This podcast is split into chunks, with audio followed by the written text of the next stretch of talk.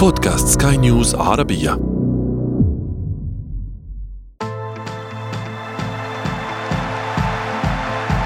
أثير الكرة.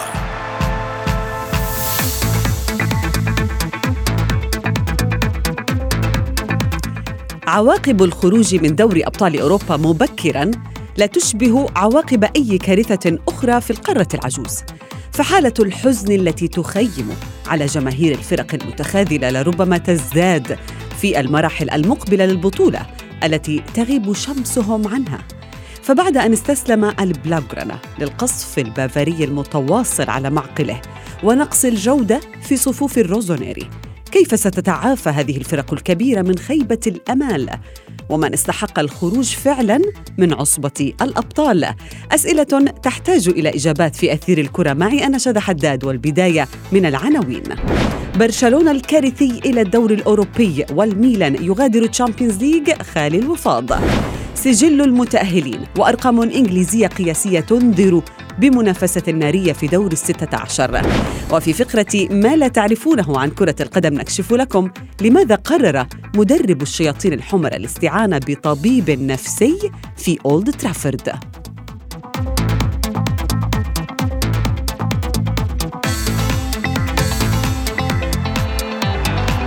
أثير الكرة.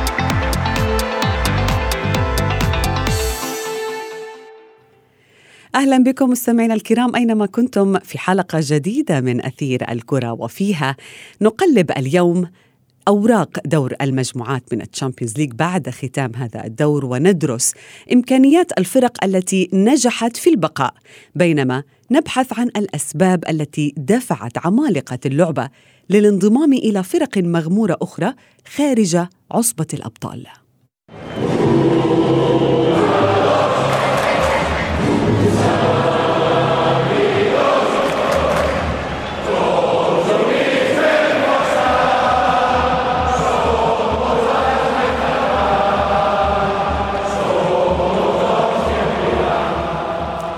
بالتأكيد أبرز أحداث الدور الأول من ال Champions League هو دون منازع خروج برشلونة من هذا الدور الخروج المبكر لهذا الفريق الإسباني الكبير. من كان يتوقع أن حال الفريق سيصل إلى هذا الحد؟ دعونا نسأل ضيفي الصحفي الرياضي بلال فواز. بلال مساء الخير.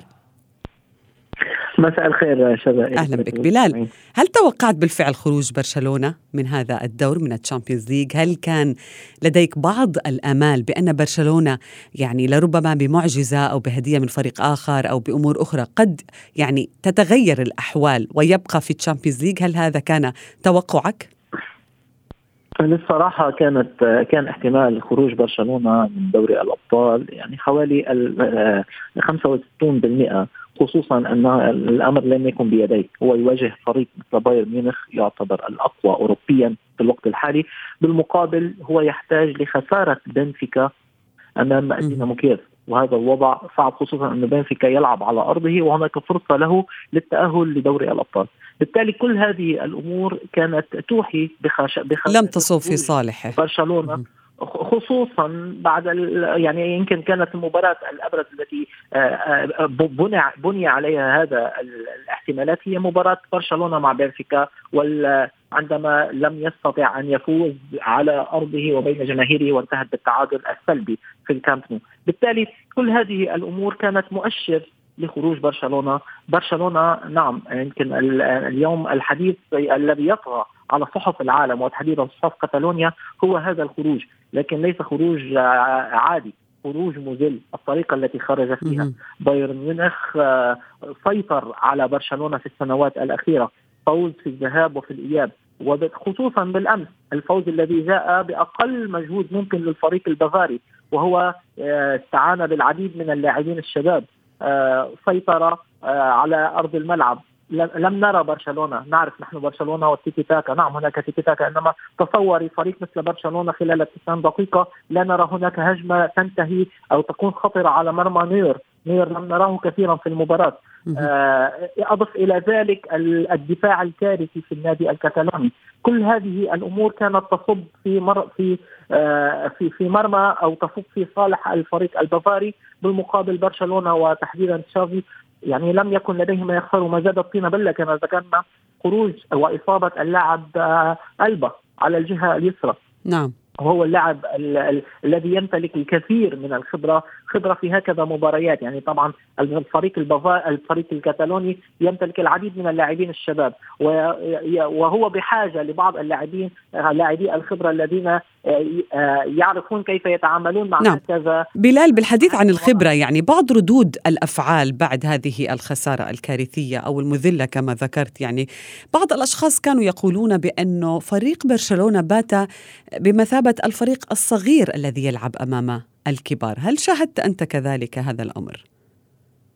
للأسف ما حدث مع الفريق الكتالوني نعم يوحي بذلك. ليس طبعا برشلونة لا يعتبر فريق صغير إنما اليوم الأدوات الموجودة مع تشافي على أرض الملعب من لاعبين صغار في السن إلى لاعبين خبرة لكن كما يعرف بالأفكار المقدسة وتعتبر انتهت صلاحيتهم الكروية فنية مع فريق مثل برشلونة كل هذه الأمور كانت توحي نعم بفريق تصوري فريق لا يستطيع أن يفوز على ريال بيتيس في الدوري الإسباني. آه، آه، يخسر ويتعادل على أرضه وبين جماهيره فكيف له ان أن يواجه فرق مثل بايرن ميونخ أو فرق مثل باريس سان جيرمان أو مانشستر سيتي؟ هذه الفرق التي تعمل على أو تتنافس على لقب Champions League بالتالي اليوم برشلونة ليس مهيأ يمكن الأنجاز الأكبر أن يكون له هذا الموسم هو حصوله على آه، أحد بطاقات الترشح لدوري أبطال أوروبا في الموسم هل كان أفضل لبرشلونة أن يغادر بلال أفضل من أن يبقى في مثل هذه الحالة وينافس فرق أكبر مثلا في الدور الثاني؟ آه إذا إذا إذا حكينا شو طبعا عاطفة أكيد لا لكن منطق نعم لماذا؟ اليوم تشافي قدم إلى فريق برشلونة قدم مع هذه الأسماء قادم في منتصف موسم لم يستطع أو لم يختار أي من لاعبيه. بالتالي اليوم هو أمام تحدي كبير. وإذا سمعنا تصريحات تشافي يقول اليوم بدأنا أو عن الأمس بدأنا مرحلة جديدة لا يستطيع برشلونة أن يلعب في الدوري الأوروبي. بالتالي ممكن أن تكون هذه فرصه اليوم هناك مباريات في الدوري الإسباني. هناك ممكن أن يلعب بتشكيلة معينة، هناك مباريات في الدوري الأوروبي، طبعا في البدايات ممكن أن تكون آه، لقاءات سهلة، بالتالي ممكن أن أن يعمل على آه، إعطاء الخبرة للعديد من اللاعبين الشباب، وهذه تعتبر فرصة لصقل مواهب لاعبين صغار في السن، فرصة لإدخال لاعبين جدد على التشكيلة، فرصة لإعطائهم الخبرة، آه، تكون هذه السنة يعمل على صقل مواهب الكثير من اللاعبي برشلونة بالإضافة لبعض التدعيمات التي ممكن أن تكون في الشتاء لكن طبعا ستكون تدعيمات بسيطة. آه، نعم. آه وممكن ممكن أن يختار أو ممكن أن تكون يكون ما بين الدوري الإسباني وبين الدوري الأوروبي فرصة لإعداد هذا أو لإعداد اللاعبين الجدد لموسم جديد. آه ف آه، آه، من الناحية الفنيه ومن الناحية الشخصية أرى أن انتقال برشلونة للدوري الأوروبي أكيد سيحصد الكثير من الخسائر إنما نعم. خسائر خسائر تكون مقبولة لإعادة جدولة الفريق ولإعادة بناء الفريق طبعا برشلونة اليوم بحاجة لبناء فريق صحيح. الفريق ما حصل منذ العام 2015 نعم. آه، بلال آه بلال ابقى معي ابقى معي. سنذهب في فاصل قصير وأعود بعد هذا الفاصل لمواصلة حديثي معك في أثير الكرة. وأنتم مستمعين ابقوا معنا بعد هذا الفاصل. أثير الكرة.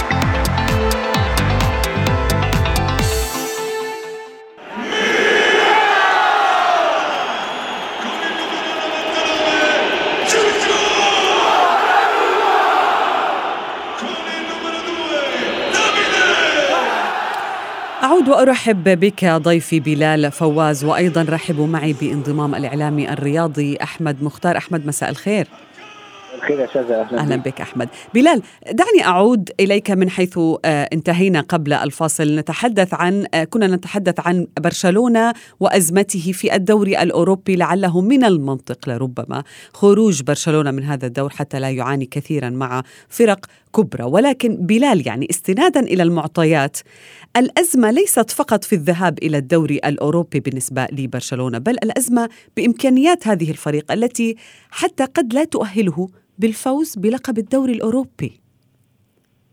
100% اليوم الدوري الأوروبي فيه فرق كثيرة مثل أتلانتا اذا إذا ما خسر أو ريال مثل نابولي مثل ميلان. كثير من من الأمور. نعم. لكن كما ذكرت لك أزمة برشلونة ليست وليدة اليوم. هي أزمة إدارات سابقة متعاقبة وانفجرت اليوم. اليوم بخروج لاعبين مثل ميسي وسابقا نيمار وغيرهم اللاعبين المؤثرين في هذا الفريق خرجوا. بالوقت الذي لم تستطع الإدارة أن تتلافى هذا الخروج وأن تعمل على بناء أو استجلاب أسماء ممكن أن تكون بديلة لهؤلاء. كل هذا الأمور وصلنا مع الأزمة الاقتصادية التي حصلت والديون الكثيرة. اليوم برشلونة لا يستطيع أن يجلب لاعب ممكن سعره 30 مليون يورو آه، أزمة كبيرة. آه، وممكن أن تكون أزمة ليس فقط ممكن أن تكون أزمة رونالد كومان أو ممكن آه، استبداله بمدرب مثل تشافي أن تكون ستحل الأمور. لا لن تحل الأمور لأن الأزمة أزمة كبيرة. أزمة وصلت إلى أخيرا إلى الناحية الفنية. اليوم برشلونة يمتلك لاعبين أغلبهم صغار في السن يجب صقلهم يجب العمل عليهم. لا, لا يوجد هناك لاعب في برشلونة يستطيع أن يكون هو أو أن يكون إذا ما كانت الأمور سيئة في في ارض الملعب يستطيع أن يأخذ على عاتقه نهاية مباراة أو حسم مباراة وحيد حسم مباراة بهدف، الفريق لا يستطيع أن يسجل.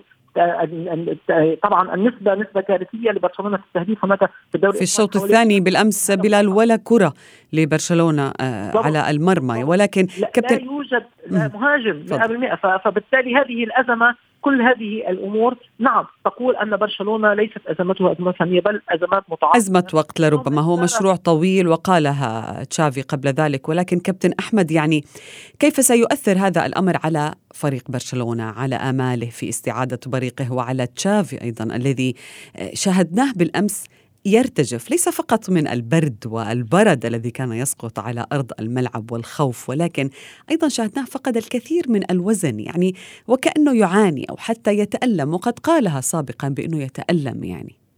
آه، بالتأكيد طبعا منصب المدير الفني لبرشلونة هو منصب صعب على أي شخص يعني كلنا شفنا جوارديولا هو أفضل مدرب في العالم عندما تولى مهمة برشلونة أثناء دخوله النادي وأثناء خروجه. تشعر تشعر وكأن اصابه العجز وبالتالي الوضع الحالي أصعب بمراحل من 2008 فبالتالي يعني تشافي هرنانديز الله يكون في عونه يعني فعلا المهمة صعبة جدا.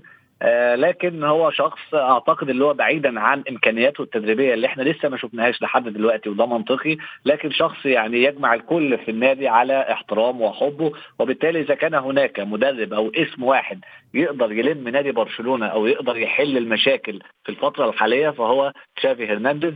أتصور بإن كما قال زميلي العزيز بإن فعلا المشكلة يعني فنيات فوارق شاسعة بين برشلونة والمنافسين الكبار في دوري أبطال أوروبا. نعم، أحمد يعني يكفي بأنه برشلونة تأهل إلى الدوري الأوروبي لربما يعني يلقبونه بدور حفظ ماء الوجه ولكن بالنسبة للميلان أي سي ميلان حتى أنه هذا الفريق رفض حتى الدوري الأوروبي رابع هذه المجموعة رغم أن المجموعة كانت صعبة جدا بوجود أتلتيكو وبورتو وليفربول ولكن الأندية الإيطالية الآن ماذا ننتظر منها مع مع خروج ميلان تأهل إنتر ويوفنتوس مع تبقي أيضا مباراة أتلانتا وفياريال التي تأجلت بسبب الأحوال الجوية ماذا ننتظر من الأندية الإيطالية اليوم؟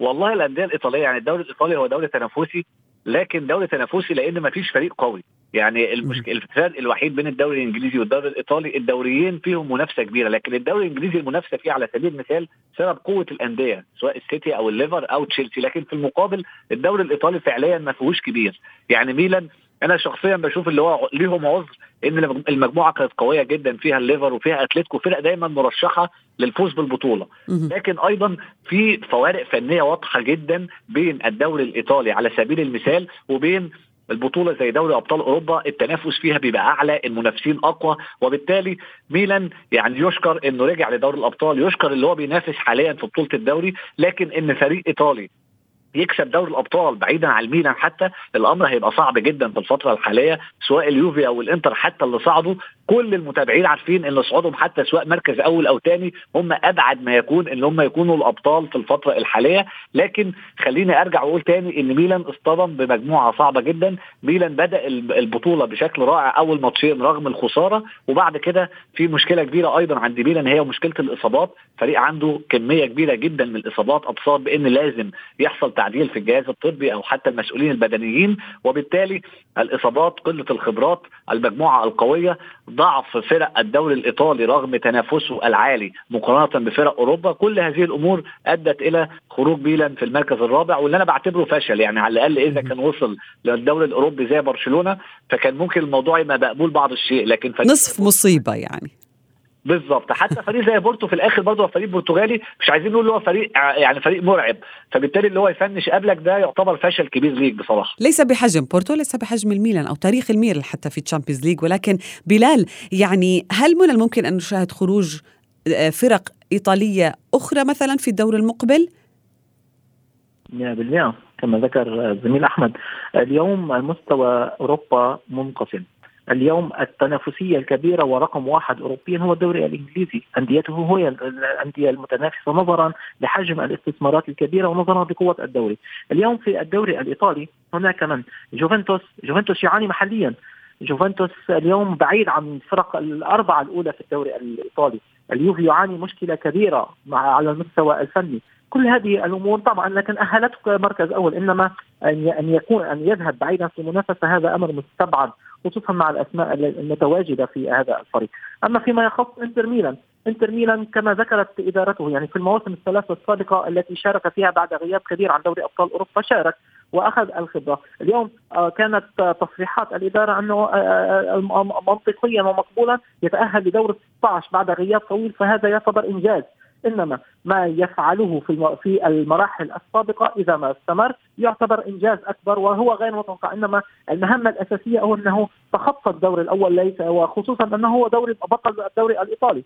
لاحظنا بالمباراة الأخيرة يعني إنتر ميلان تألق بالدوري الإيطالي أمام روما والمستوى الكبير. إنما أتى أمام ريال مدريد لم يستطع ان أن يقاوم فريق مثل ريال مدريد، آه لم يستطع ان آه ان أن يحسم المباراه بالفرص التي آه حصل عليها فعاقبه ريال مدريد، وهذا يدل على نقص في الخبرات ونقص ليس فقط في الأسماء الأساسية موجودة نقص في الأسماء الاحتياطية. نعم. هنا ممكن ان ان يكون له عنده لاعبين. إذا ما أصيب أحدهم لا يوجد بديل أو البديل ليس له الخبرة القادرة على أن يكون على نفس الأداء ونفس المستوى بالتالي هذا يوضح الفوارق الكبيرة ما بين نعم. الأندية الإيطالية التي بحاجة هي يمكن على السكة للعودة لكنها بحاجة للوقت وبحاجة للمال أكثر لكي تكون أكثر تنافسية مع فرق مثل فرق الدوري الإنجليزي. أحمد لربما البدايات أو أحيانا كثيرة حتى البدايات تعطينا دائما مؤشرات على النهايات. في البدايات شهدنا سيطرة إنجليزية لا مثيل لها يعني تذكرنا أيضا في بداية الموسم الماضي وشاهدنا بالفعل فريق إنجليزي يتوج باللقب ولكن مع بداية الأندية الإنجليزية القوية هذا الموسم ونحن نتحدث يعني في المقدمة يأتي ليفربول الذي يعني بات النادي الإنجليزي الوحيد في تاريخ الأندية الإنجليزية يختم دور المجموعات بالعلامة الكاملة 18 نقطة انتصارات متتالية أرقام قياسية. هل تتجه الأندية الإنجليزية بالفعل نحو آه، اللقب الثاني في ال Champions League؟ من الأقرب منهم للوصول إلى مراحل جدا متقدمة؟ والله فريق زي ليفر وفريق زي مانشستر سيتي الاثنين عندهم كل الإمكانيات والمقومات اللي هم يوصلوا بعيدا في دوري الأبطال. ليفر بيمر بموسم رائع. مع توهج وتألق نجمنا العربي محمد صلاح أيضا لديه مدرب كبير وهو يورجن كلوب مانشستر سيتي أيضا فريق يعني يعتبر أفضل فريق جماعي في العالم ولديه بالنسبة لي أفضل مدرب في العالم اللي هو بيب جوارديولا. وتشيلسي أيضا أحمد يعني رغم تعادله بالأمس يقدم مع توخيل اداء مميز جدا. مميز جدا لكن بأمانة يعني طريقة لعب الفريق مؤخرا بتميل للدفاع بيستقبل أهداف كثيره هو سينافس لكن أنا مش شايف اللي هو الفريق مرشح للقب إذا كمل بالفترة الحالية اللي هو بيمر فيها لكن خلينا برضو ما ننساش فريق عملاق زي بايرن ميونخ اللي أنا بشوفه أحد الخصوم المهددين الكبار للفرق الإنجليزية على اللقب هذا الموسم. وبالتالي في الفترة الحالية هذا الثلاثي هو الأميز على الإطلاق. لكن خلينا برضو نرجع ونقول إن بطل دوري الأبطال دايما بي يعني بيتحدد من رحم البطولة. الموسم الماضي على سبيل المثال في الوقت الحالي ما كانش أي حد يتوقع إن فريق زي تشيلسي يوصل قبل. النهائي. كلنا فوجئنا اللي هو في الآخر البطل وبالتالي علينا الصبر بعض الشيء لكن في الفترة الحالية ليفر سيتي بايرن هم أفضل ثلاث فرق في العالم وفق المستويات الحالية في شهر ديسمبر. تعليقك بلال هل بالفعل هذه الأندية التي ت... هي يعني التي ظهرت بالفعل بقوة وسيطرت على دور المجموعات أو على ال Champions League حتى هذه اللحظة؟ نكون واضحين سادة المكتوب يقرأ من عنوانه في البداية. نعم هذه الفرق تعتبر من الأقوى حاليا من الأقوى على مستوى العالم. إنما أمور كثير مهمة. تشيلسي من كان يتوقع أن يحصد اللقب بالموسم الماضي. أمور أخرى البطل دوري بطل دوري أبطال أوروبا أو بطولة دوري أبطال أوروبا تبدأ بالحسم من مباريات خروج المغلوب. بالتالي اليوم هناك دور مجموعات ظهرت الأمور بشكل واضح إنما ننتظر إلى ما بعد شهر اثنين. ممكن كثير أمور تتغير فرق ستعمل على تقوية نفسها على دعم لاعبيها. فرق أخرى اليوم. كرة القدم 11 ضد 11 وفي مراحل خروج المغلوب تحدث الكثير من المفاجآت. إنما المنطقي نعم ليفربول يعتبر من أبرز المرشحين. مانشستر سيتي أيضا من أبرز المرشحين بايرن ميونخ. لا ننسى باريس سان جيرمان والتدعيمات الكبيرة الهدف الأساسي منها هو دوري أبطال أوروبا. بالتالي نعم هذه تعتبر فرق كبار إنما آه، تبقى الأمور في أرض الملعب ويبقى الحسم إلى من إلى منذ بداية شهر اثنين لأن أمور كثيرة ممكن أن تتغير. شو المفاجآت كابتن أحمد؟ يعني التي ممكن أن تنتظرنا في الدور المقبل. يعني آه، آه، عيننا أين يجب أن تكون متجهة؟ صوب اي أي نادي أو صوب أي مجموعة من الأندية. النادي اللي ممكن يبقى الحصان الأسود زي 2019 هو اياكس اياكس الهولندي آه هذا الموسم أيضا بيعيد جيل 2019 معاهم مدرب ممتاز اللي هو تين هاج. الفريق صعد بكل سهولة من مجموعته على حساب آه دورتموند وعلى حساب الفريق الثاني اللي صعد معاه سبورتنج لشبونة وبالتالي فريق أياكس بشوف اللي هو فريق مميز جدا. الفريق الثاني أيضا اللي هو عامل شغل كويس اللي هو ريد سالزبرج النمساوي فريق آه بيلعب كورة هجومية فريق قوي جدا. فريق بيلعب بضغط عالي أعتقد برضو اللي هو ممكن جدا يبقى أحد المفاجآت السعيدة في دوري الأبطال الموسم الحالي. طبعا مش معنى المفاجآت اللي هو ياخد البطولة لكن على الأقل الفرق دي ممكن توصل لدور الثمانيه أو ممكن توصل لقبل النهائي إذا كانت القرعة في صالحها وإذا كانت يعني استمرت بنفس المستوى الحالي وما خانهاش فرق الخبرات الكبير خلال الأدوار الإقصائية. نعم شكرا جزيلا لكما ضيفي في أثير الكرة بلال فواز وأحمد مختار شكرا لكما.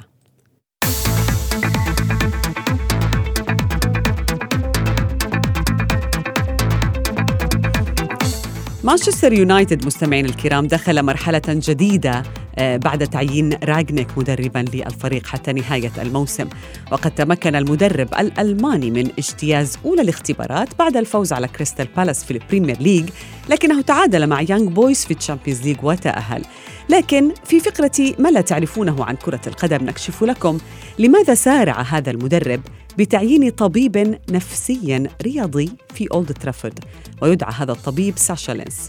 في المؤتمر الصحفي على هامش مباراة الشياطين الحمر في دوري الأبطال قال راغنيك إن الأمر لا يتعلق بوضع اللاعبين على الأريكة والتواصل معهم وإنما هم يحتاجون إلى خبير للعقل على حد تعبيره.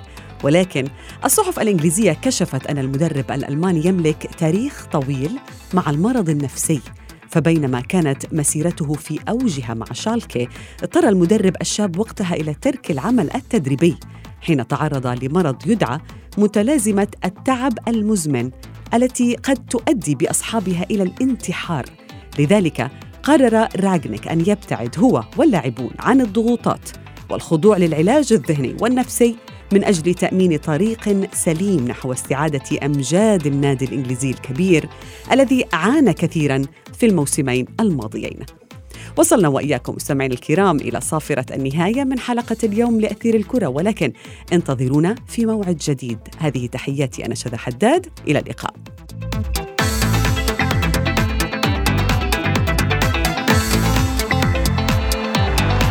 تغيير الكرة